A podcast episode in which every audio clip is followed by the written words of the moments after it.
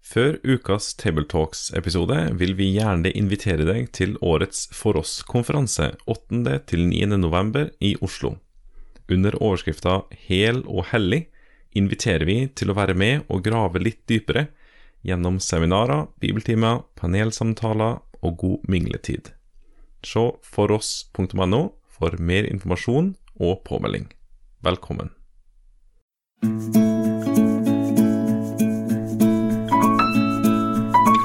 Velkommen til denne episoden av podkasten Tabletalks Søndagsteksten, som blir presentert av den kristne ressurssida foross.no.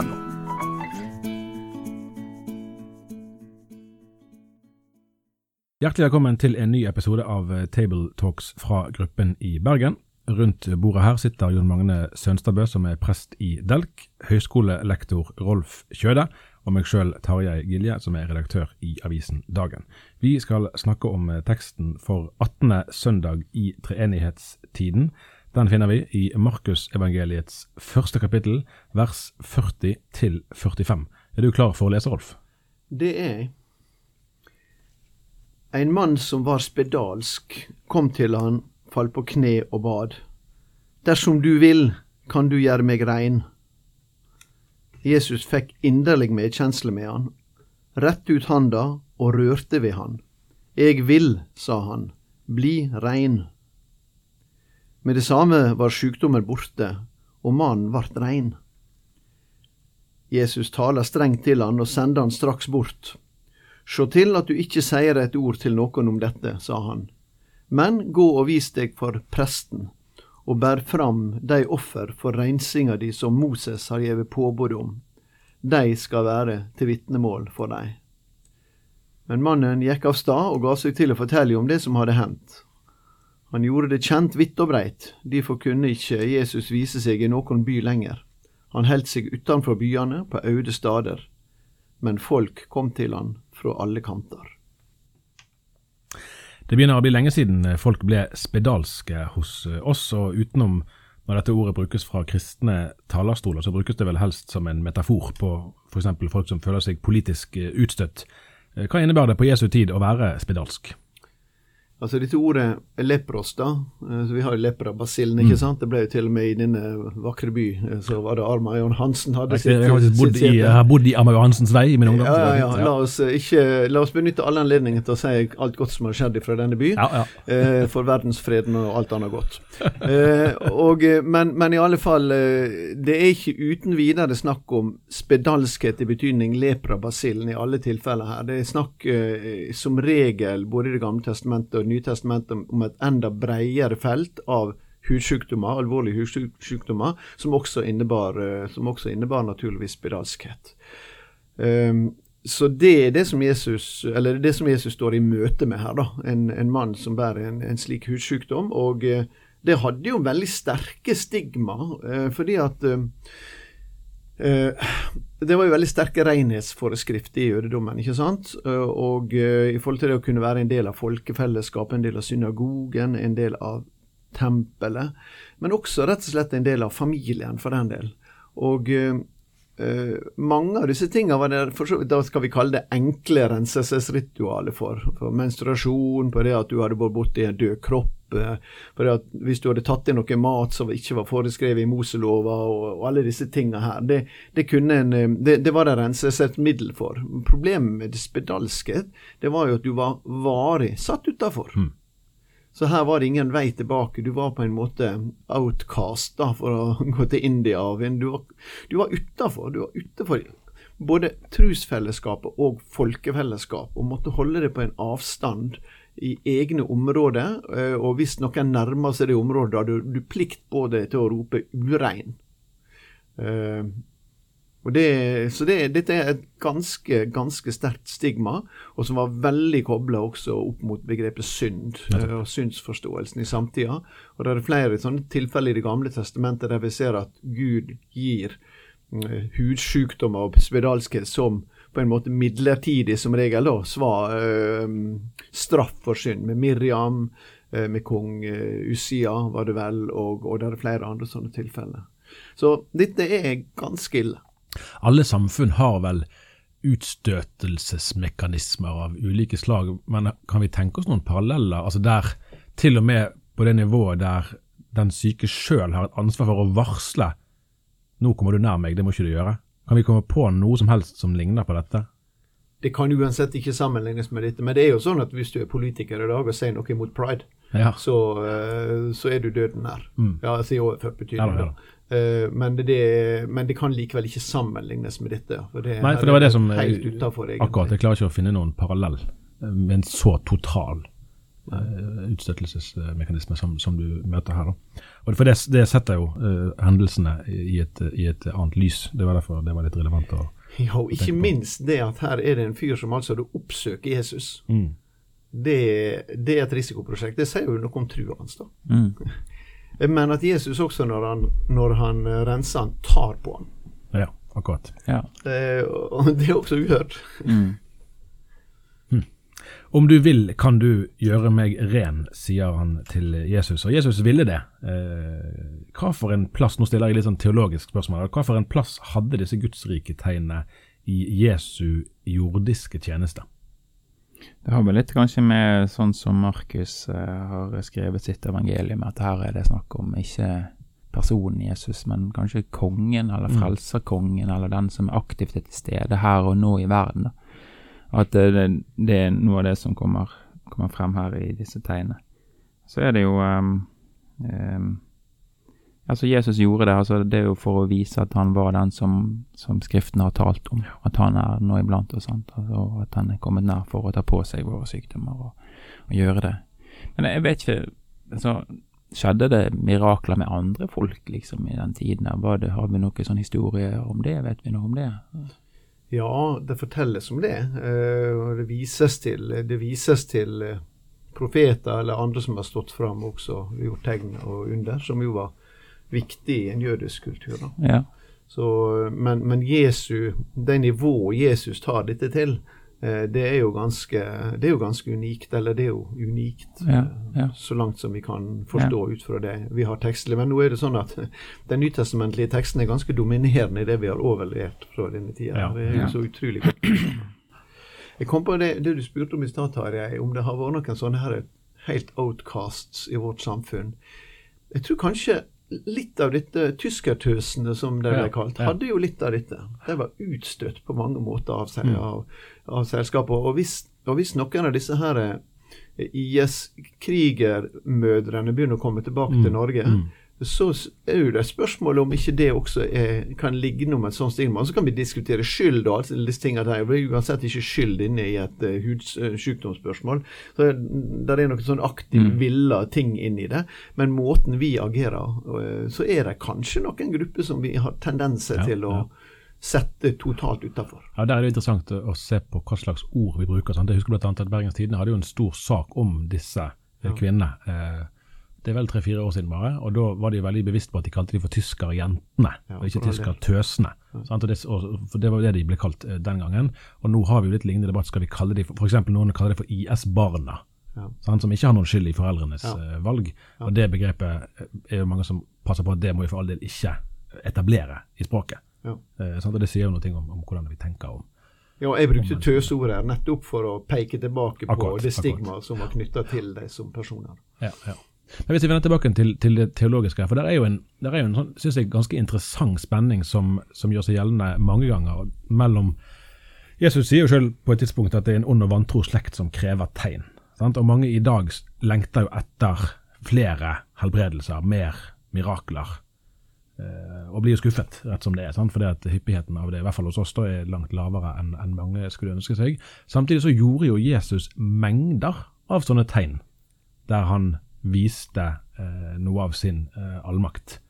Eh, og det er derfor jeg spør litt. Eh, på den ene siden så er det saligere å tro uten å se. Samtidig så, så var det jo ganske mye de fikk se. Ja, men du bruker jo her um, ganske konsekvent ordet tegn, og ikke ordet under. Eh, under. Og, Og da er du hos Johannes på mange måter, da, som nettopp opererer med Jesu under som tegn. De, Mm. tegn, de, de har en verdi i seg sjøl, naturligvis har de det. De mennesker som på en måte rammes i anførselstegn da, av Jesu under, de, de vil oppleve nok absolutt at de hadde, de hadde en verdi i seg sjøl. Og samtidig så er jo de bibelske forfatterne veldig opptatt av å si at det peker utover mot noe annet. Det peker mot Guds rike, det peker mot den fullkommenheten der nettopp disse tingene skal være borte. Eh, og, og her og nå så lever vi jo i denne her allerede ennå ikke. Altså vi lever, lever nettopp i det riket. Og eh, jeg har ingen problem med å be eh, til den samme Gud eh, og til i Jesu navn om helbredelse i alle mulige slags situasjoner. Men jeg ville for min del iallfall ikke påtatt meg Jesu måte å ta autoritet på. Eh, Og det er en av de gamle debattene helt fra 70-tallet, når vi fikk inn ordet 'ta autoritet' mm. i, i teologien. Eh, Og det ser jeg ikke at jeg har noe mandat til, altså. Det som jeg tenker litt nå når vi snakker her, er det er hvordan et tegn ikke kan stå alene, eller et under ikke kan stå alene uten et ord som følger med det. Eh, For du må jo vite hvor tegn eller underet kommer fra. Eh, og, og det er jo det som er Jesu viktige gjerning også, at han kommer med en, en ny forkynnelse, sant, der han åpner Det gamle testamentet i Skriften, om hva som virkelig er hans oppgave og hans budskap. Så radikalt sett så kan vi si det at hvis folk får høre det budskapet, så betyr faktisk ikke underet noe mer. Nettopp. Og så tenker jeg også at uh, ordbruken til Jesus her må vi, må vi huske på. Han er veldig imperativ. Mm. Først sier han 'jeg vil'. Det er jo ikke en imperativ, men det er jo en fastslåing. Den er ganske kort. 'Jeg vil'. Eh, bli rein. Og det er på en måte det Eh, Altså, Kan det minne om noen andre enn Gud, egentlig? Mm. Nei, det er sant det. Det er skaperordet. Ja det er sant. Ja, ja. Og så kan du tenke at Eller det virker jo gjerne som hvert fall det er en sånn bestilling. Sant? Altså, jeg vil Eller uh, for å si det sånn uh, Hva var det som eventuelt uh, skulle innfris for at Jesus ikke ville? Altså, her, her får han det som han vil, denne syke. Han leverer et ønske, og så blir det innfridd. Det er mange som har bedt til Gud om mange ting gjennom årene som ikke har fått det som de ville. Det er det. Og det er en uh, Paulus i 2. Korinterbrev også som forteller om at han ba flere ganger, og det ble nettopp ikke tatt fra han, og han fikk da, var jo så heldig at han fikk en tolkning av det. Det er ikke alle, som, ikke alle Nei, som får tolkninger, kan vi si. Men i Jesu jordeliv så ser vi vel egentlig ikke at det er noen som blir avvist. Eh, og, men det sier også noe helt unikt eller om hvor, hvor unikt det var med Jesus, og så har han gitt oss det samme mandatet, men jeg vil si jeg vil da gå bønnens vei. Jesus ville ikke at mannen skulle fortelle om det som hadde skjedd. For å først spørre, hvorfor, hvorfor ikke det? Man kunne jo tro at det, det ville være bra med mest mulig eh, omtale eh, om det fantastiske som jo hadde skjedd. Ja, det er vel det der med rykter og ryktespredning, og gjerne det at folk, eh, folk kommer med feil type eh, bakgrunnstanker. Altså, det er, jo, noe med dette her med at eh, du får høre noe, så danner du deg et bilde av noe, så kommer du til tingen med den forventningen ut fra det bildet du har dannet deg. Og vil du da det på en måte stå i veien for det budskapet som Jesus faktisk vil gi deg, eh, egentlig. Eh, og hvis folk da kun kommer for å få brød og mat, så vi ser jo det flere ganger, altså, at det er jo det folket vil ha. Sant? De vil ha, tegn, ha under, de vil ha Ja, ja. helbredelser, de vil ha brød. Og de vil ikke ha det, det evige livsordet. Eh, det vil de ikke ha. Um, så det er jo Ja, neimen Jeg kan ikke helt forklare hvorfor Jesus ikke vil det, men eh, Men jeg, men jeg er litt sånn opptatt av verset før der, for det er et ganske påfallende vers. Her har nettopp Jesus drevet og sagt at han ville han skulle bli rein, og så har han tatt vekk sykdommen. Og det vi da opplever, at Jesus talte strengt til han. Og Det er liksom, det er liksom avvisning i, i språket som Jesus bruker, og han sendte han bort. Han, altså han, han, han dreiv han vekk. Jeg ligger, ligger litt i den greske så, ikke bare han, han sendte ikke han ut sånn som han sendte ut Peter og Johannes og en del folk senere, men han dreiv han vekk, står det. Så eh, hva er det her? Ja, altså, det, vi er vel da inne på dette her som du antyder her også, Jon Magne, om, om Messias-hemmeligheten. At forestillingene om Messias var av en slik art at Jesus vegra seg for å bli knytta til dem. Samtidig var det han hadde gjort, det var et helt åpenbart peik mot Messias. Mm. Eh, og i det der dilemmaet levde han ei tid, da. Ja, nettopp. nettopp. I det som så skjer, så er jo Jesus opptatt av å understreke og understøtte kan vi kanskje si, prestens autoritet. Eh, altså Man skulle gå og følge. Du var innom det i sted med renselsesritualene sant, som, som, fantes. Det er en henvisning til tredje Mosebok i, i fotnotene. Eh, hvordan forstår vi utviklingen i Jesu forhold til det jødiske presteskapet? For her er jo han, han eh, oppfordrer mannen til å være lojal mot systemet, så å si. da. Eh, det var jo ikke alltid like hjertelig, det forholdet der.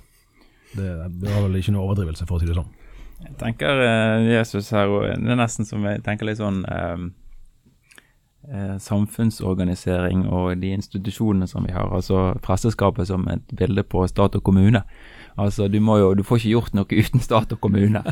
eh, og mannen han skal tilbake igjen til samfunnet, han skal ut i jobb igjen. Mm. Skal, og da må de rette folka godkjenne det, sette stempelet på seg. Denne mannen er ok. Mm. Han kan være en av oss. Ja. Og så lenge han ikke har presteskapet sin støtte, så er han fremdeles utenfor.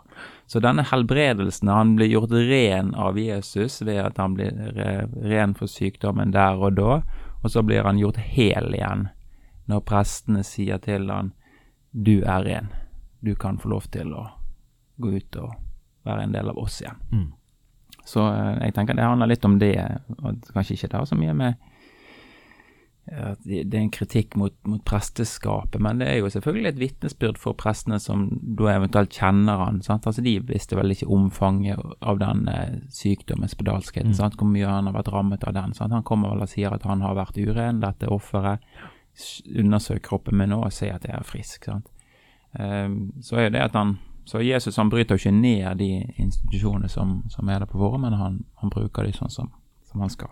Så er det ganske det er ganske uh, greit å merke seg også at uh, det står aldri at Jesus helbreder spedalskhet. Det står alltid at han renser.